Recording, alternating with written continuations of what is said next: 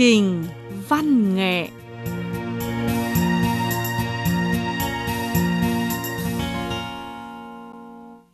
Các bạn thính giả thân mến, trong ấn tượng của đông đảo các khán giả truyền hình Trung Quốc thì hầu như đều không quên hình ảnh ca sĩ nổi tiếng Trung Quốc Vương Phi với mớ tóc ngắn, trên mình vận bộ váy như những giải lụa mỏng, kẻ sọc mờ mờ ảo ảo đứng trên sân khấu truyền hình Trung ương Trung Quốc trình bày bài hát truyền kỳ trong đêm gala giao thừa chào xuân năm 2010. Rất nhiều khán giả đã phải xúc động khi nghe bài hát này qua giọng ca Vương Phi. Sau đó, mọi người liền tìm gốc của bài hát truyền kỳ qua các phương tiện truyền thông mới biết rằng thì ra tác giả bài hát truyền kỳ rung động lòng người này là ca sĩ Lý Kiện. Rồi mọi người lại phát hiện thì ra Lý Kiện chính là một trong những thành viên sáng lập ban nhạc Thủy Mộc Niên Hoa. Anh tốt nghiệp trường đại học Thanh Hoa nổi tiếng. Tất thảy những thông tin trên đây của Lý Kiện đã trở thành những nhân tố thu hút mọi người càng muốn hiểu biết hơn nữa về anh. Trong chương trình văn nghệ cuối tuần đêm nay, Ngọc Ánh xin giới thiệu với các bạn nghệ sĩ Lý Kiện. Anh là ca sĩ, nhạc sĩ, chỉ âm thầm để tâm vào việc làm âm nhạc. Thời gian thấm thoát trôi qua, trôi đi rất nhiều thứ trên đời này, nhưng đã để lại những thứ tốt nhất trong ký ức và ấn tượng của mọi người.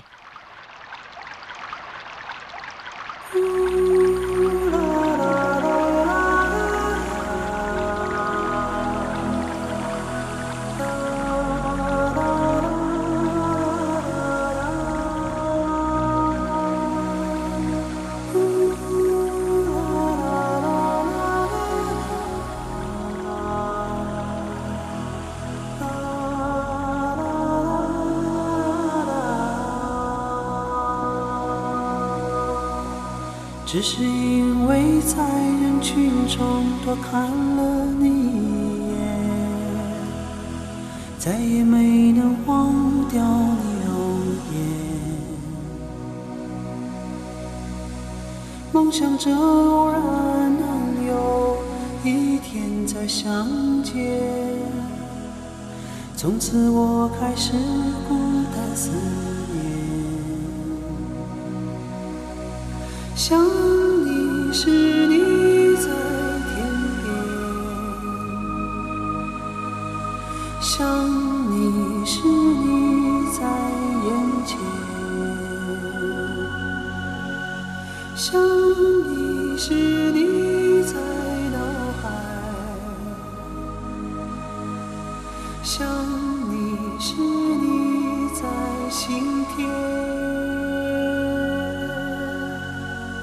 你相信我们前世有缘，今生的爱情故事不会再改变。宁愿用这一生等你发现，我一直在你身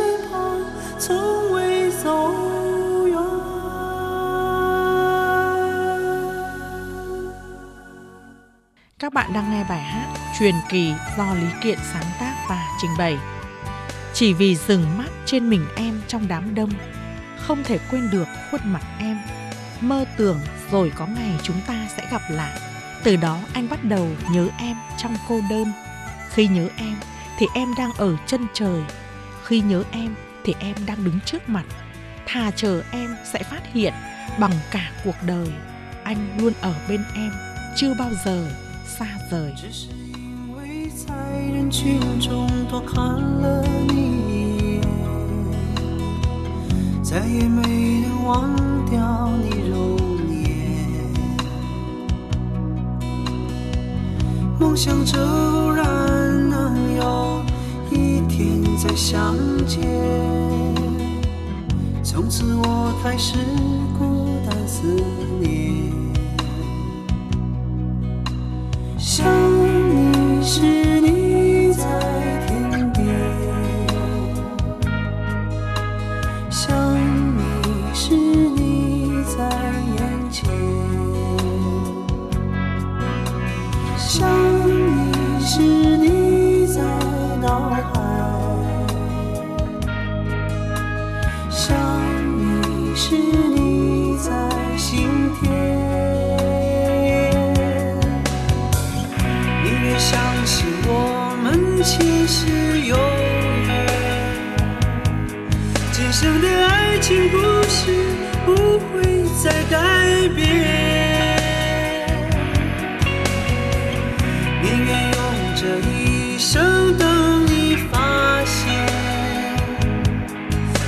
直在你身旁，从未走远。宁愿相信我们前世有缘，今生的爱情故事不会再改变。 Các bạn thân mến, ca sĩ Lý Kiện sinh năm 1974 tại thành phố Cát Nhĩ Tân, tỉnh Lị tỉnh Hắc Long Giang. Cha anh là diễn viên kinh kịch chuyên đóng các vai võ sinh. Năm 1988, tình cờ xem bộ phim điện ảnh Mỹ Đội Guitar ven đường. Vai nam chính trong bộ phim này là một anh tài xế sành chơi đàn guitar, khiến Lý Kiện mê mẩn. Sau khi xem xong bộ phim này, anh liền ao ước có được một cây đàn guitar. Gia đình Lý Kiện có ba anh em. Điều kiện kinh tế của gia đình tương đối khó khăn. Lúc bấy giờ, một cây đàn guitar trị giá khoảng 200 nhân dân tệ. Nhưng mẹ anh vẫn dành dụm bỏ ra 2 tháng tiền lương để mua cho anh cây đàn guitar màu mận chín. Thế là từ đó, Lý Kiện liền khoác cây đàn guitar lên vai, đi tìm kiếm lớp dạy gảy đàn với học phí chỉ 4 nhân dân tệ. Đó là giá rẻ nhất lúc bấy giờ. Năm 1993, Lý Kiện 19 tuổi, học lớp 12 trung học phổ thông. Trường Đại học Thanh Hoa tổ chức cắm trại đông liên hoan những người đam mê văn nghệ. Lý Kiện liền đăng ký tham gia. Anh khoác cây đàn guitar đáp tàu hỏa đi ngay Bắc Kinh. Anh đã vừa hát vừa gảy đàn guitar và đoạt giải nhất tại buổi liên hoan này. Lại cộng thêm thành tích học tập xuất sắc, thế là anh liền được Trường Đại học Thanh Hoa tiếp nhận. Lý Kiện theo học chuyên ngành công trình điện tử Đại học Thanh Hoa. Trong thời gian đại học, anh không bao giờ bỏ giờ giờ học. Niềm đam mê âm nhạc, đàn hát của anh cũng chỉ thể hiện vào lúc ngoài giờ học. Các bạn đang nghe bài hát Anh đến là vì em do Lý Kiện sáng tác và trình bày. 视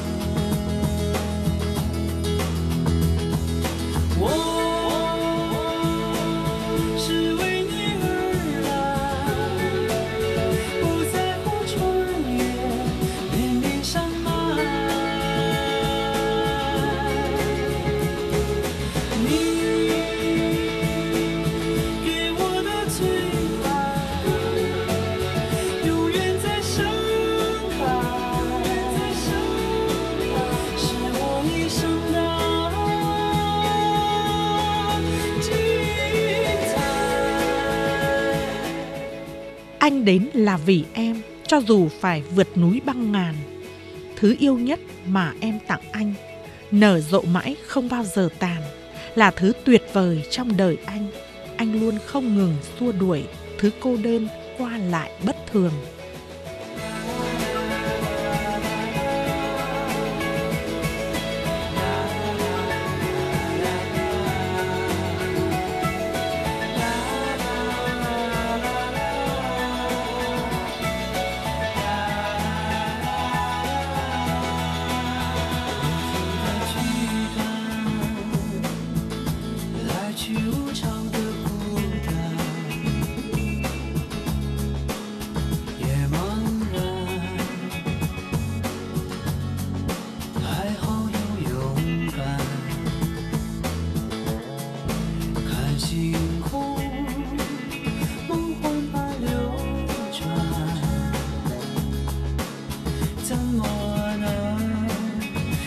说谎话？”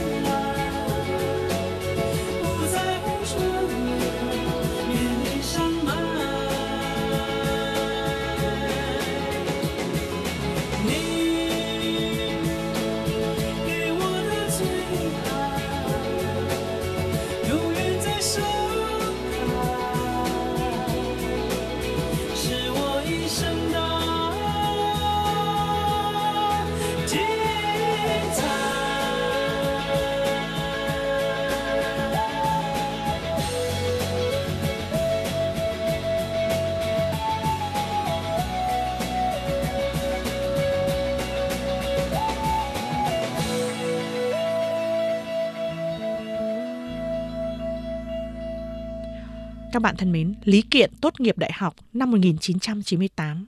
Anh được tuyển vào làm công trình sư tại Tổng cục Truyền thanh, Truyền hình Trung Quốc. Anh sáng đi chiều về, làm việc đều đặn. Hai năm sau đó, có một bận người bạn cùng trường tên là Lư Canh Mậu đến gặp anh rồi hỏi. Lý Kiện, thế nào? Cậu còn muốn ca nhạc nữa không? Lý Kiện liền nhận lời ngay. Tất nhiên là thích rồi. Thế là cuối năm 2000 Lý Kiện liền xin thôi việc. Đây là một công việc mà rất nhiều các bạn trẻ hướng vọng. Năm 2001, Lý Kiện và Lưu Canh Mậu thành lập ban nhạc Thủy Mộc Niên Hoa. Cũng từ đó, Lý Kiện chính thức dấn thân lên con đường ca nhạc. Tháng 9 năm 2001, ban nhạc Thủy Mộc Niên Hoa chính thức cho ra mắt tập album đầu tiên mang tên Có Em Chọn Đời, liền được công chúng yêu nhạc hoan nghênh chưa từng có. Năm 2002, bài hát Có Em Chọn Đời đã giành được đánh giá là bài hát vàng Trung Quốc lần thứ 9. Riêng ban nhạc Thủy Mộc Niên Hoa đã giành giải thưởng ca sĩ mới. 因为梦见你离开，我从哭泣中醒来，看夜风吹过窗台，你能否 感受我的爱？等到老去那一天，你是否还在我身边？看那些誓言谎言，随往事慢慢飘散。多少人曾爱慕你年轻时的容颜，可知谁愿承受岁月无情的变迁？多少人曾。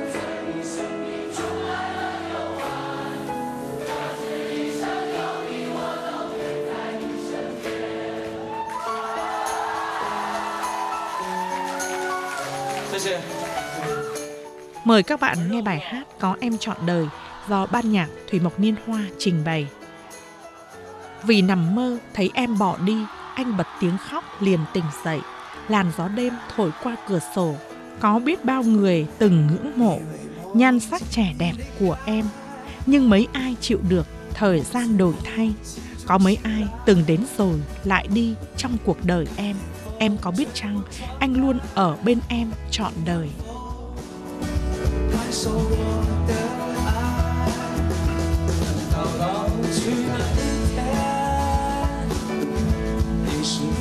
在我身边？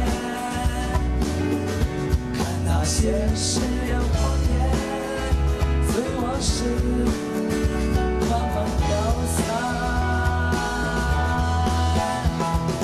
多少人曾爱慕你年轻时的容颜？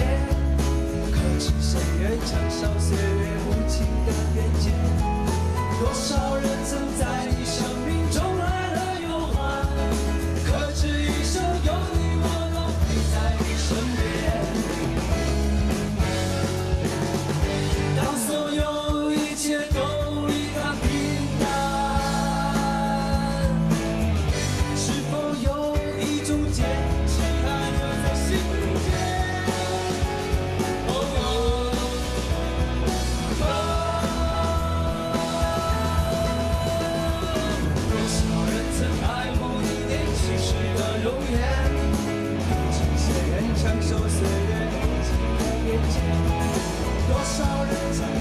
生命中来了又还。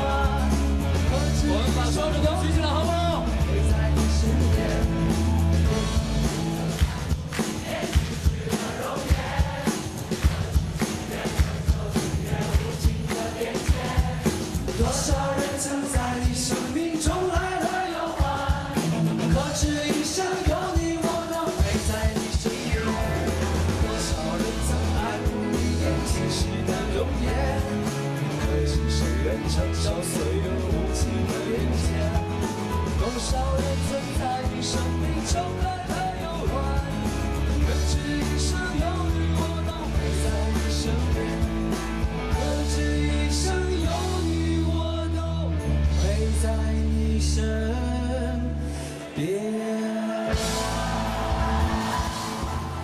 Rất dễ liên tưởng rằng nếu cứ biểu diễn và hát tiếp như vậy thì ban nhạc Thủy Mộc Niên Hoa sẽ trở thành ban nhạc kiếm được nhiều tiền nhất so với các ban nhạc khác của Trung Quốc lúc bấy giờ. Đối với Lý Kiện mà nói, chỉ cần anh xuất đầu lộ diện trên sân khấu thôi là có thể kiếm được vô số tiền của đông đảo các fan đam mê âm nhạc. Thế nhưng Lý Kiện lại không nghĩ như vậy. Sau một buổi ca nhạc mang tính thương mại, Lý Kiện liền nói với Lư Canh Mậu rằng cứ hát tiếp như thế này, tớ cảm thấy sắp mất đi chính mình. Cứ hát tiếp như vậy, tớ biết thế nào, tiền cũng sẽ đầy túi, nhưng trái tim rồi sẽ bị mất đi. Mà trái tim mất đi rồi thì sẽ bị các fan hâm mộ bỏ đi mà thôi. Ngay vậy, Lư Canh Mậu rất cảm thông và ủng hộ quyết định của Lý Kiện.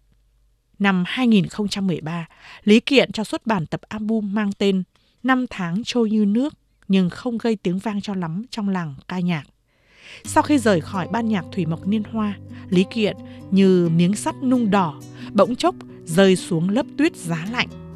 Từ đó, đông đảo công chúng gần như đã lãng quên anh.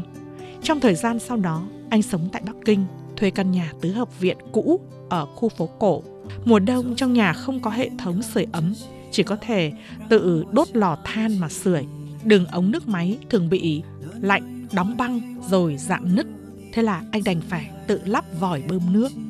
Bạn bè đều khuyên anh rằng nên sáng tác âm nhạc lưu hành đi, như vậy dễ nổi tiếng.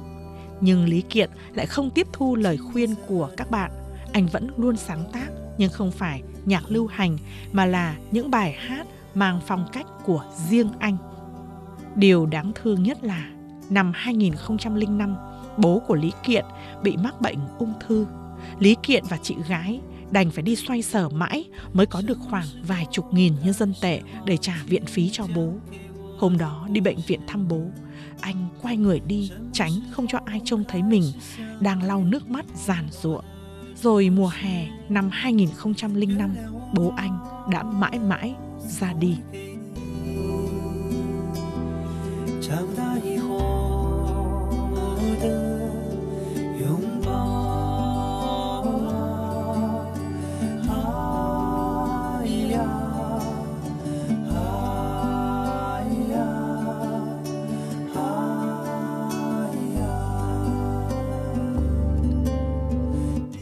Anh đã trải qua suốt 7 năm những tháng ngày như vậy. Trong thời gian này, anh cũng cho xuất bản mấy tập album, cũng từng mấy lần đoạt các giải thưởng về âm nhạc. Ví dụ như năm 2006, tập album mang tên Anh đến vì em đã đoạt giải giọng ca sáng tác xuất sắc trong liên hoan âm nhạc tốt nhạc trong tốt nhạc hoa ngữ toàn cầu lần thứ 12.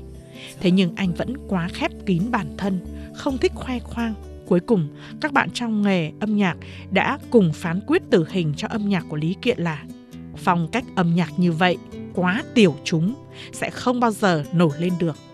Thế nhưng Lý Kiện lại cho rằng tất cả trước mắt đều là sự sắp xếp tốt nhất. Con người không nên sống trong mục đích mà là nên sống trong quá trình. Năm 2010, sau khi ca sĩ nổi tiếng Vương Phi trình bày bài hát truyền kỳ do Lý Kiện sáng tác vào năm 2003, thì chỉ trong một đêm, tiếng tăm của Lý Kiện liền nổi lên như sóng cồn lan tỏa ra khắp cả nước. Những năm sau đó, anh từng nhiều lần đoạt các giải thưởng âm nhạc ca sĩ nam xuất sắc và ca sĩ sáng tác xuất sắc. Tiếp theo, mời các bạn thưởng thức bài hát Gió thổi sóng lúa mạch đây là bài hát trong phần cuối của bộ phim truyền hình Chiến tranh của phụ nữ. Nhờ bài hát này mà Lý Kiện đã giành giải thưởng sáng tác ca từ xuất sắc Liên hoan âm nhạc lưu hành Bắc Kinh năm 2007. Năm 2013, Lý Kiện từng cùng nữ diễn viên nổi tiếng Trung Quốc Tôn Lợi song ca bài hát này trong đêm gala mừng xuân của Đài truyền hình Trung ương Trung Quốc. Các bạn đang nghe bài hát Gió thổi sóng lúa mạch do Lý Kiện và Tôn Lợi song ca. 想起你轻柔的花语，曾打湿我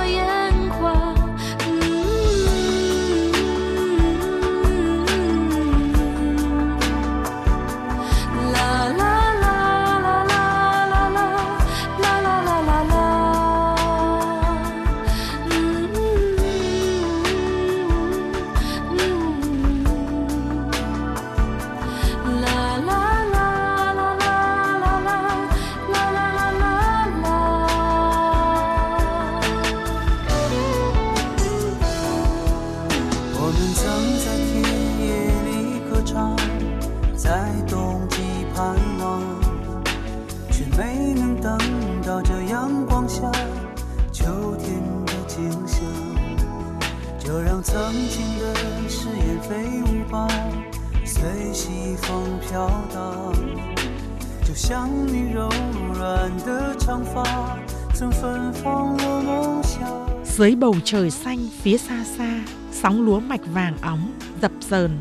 Đó là nơi anh và em từng yêu. Khi làn gió mang theo hương thơm được mùa thổi lên khuôn mặt anh, nhớ giọng nói dịu dàng của em, từng làm anh rơm rớm nước mắt.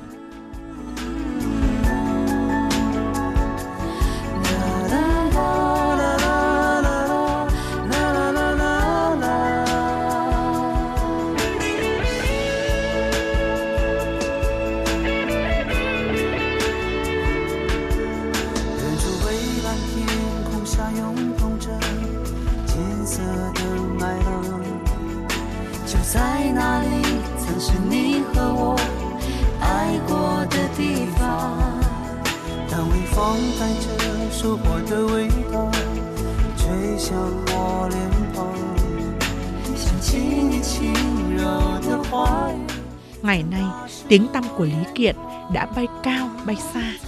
Trong thế giới giang hồ, xa hoa hưởng lạc ngày nay, mỗi chúng ta đều có lúc bị mất đi phương hướng trên đường đời ở mức độ khác nhau. Thế nhưng Lý Kiện vẫn là Lý Kiện như trước đây. Cõi lòng anh luôn luôn trong sạch, nét mặt và nụ cười của anh vẫn điềm đạm như xưa. Anh vẫn hay vén tay áo sơ mi lên trong tư thế cầm cây micro khiến mọi người cảm thấy bên cạnh anh vẫn là cô bé 10 tuổi mà anh đã gặp như xưa. Chúng ta cần cảm ơn những người sống một cách mộc mạc, đạm bạc bởi vì họ là những người có thể chịu đựng được nỗi cô đơn rồi mới có được tự do thật sự. Bởi vì họ là những người đối mặt với thời gian, sau đó thời gian đã để lại cho họ những thứ tốt đẹp nhất Cuối cùng, mời các bạn thưởng thức bài hát 10 dặm gió xuân cũng chẳng bằng em do Lý Kiện sáng tác và trình bày. 就像解冻的冰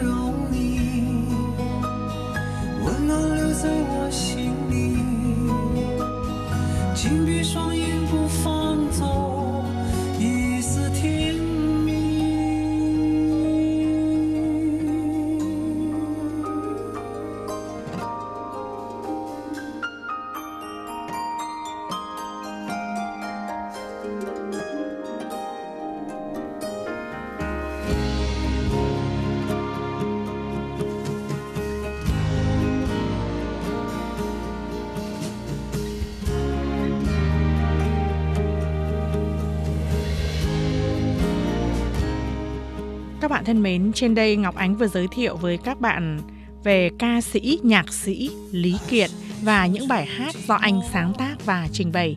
Chương trình văn nghệ cuối tuần đêm nay xin tạm khép lại ở đây. Hẹn gặp lại các bạn vào giờ này tuần tới. Hoan nghênh quý vị và các bạn truy cập và like hộp thư Ngọc Ánh trên trang Facebook.